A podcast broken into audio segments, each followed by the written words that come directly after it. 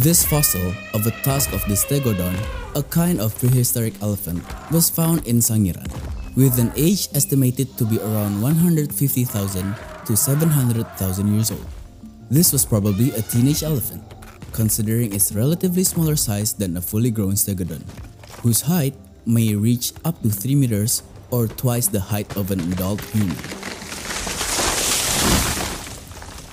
Stegodons roam almost the entire breadth of Asia, including Indonesia, from around 11 million years ago to its extinction around 10,000 years ago.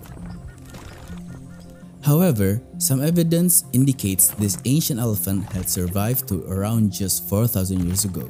Several species of stegodon suffered from symptoms of dwarfism due to natural causes, such as those found in Flores and Sulawesi.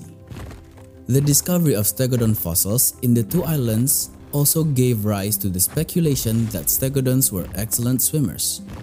Throughout the entire history of evolution on Earth, these two islands, Flores and Sulawesi, have never been connected by a land bridge to the main Asian continent. As such, the only way for Asian stegodons to arrive and thrive in these islands is by swimming.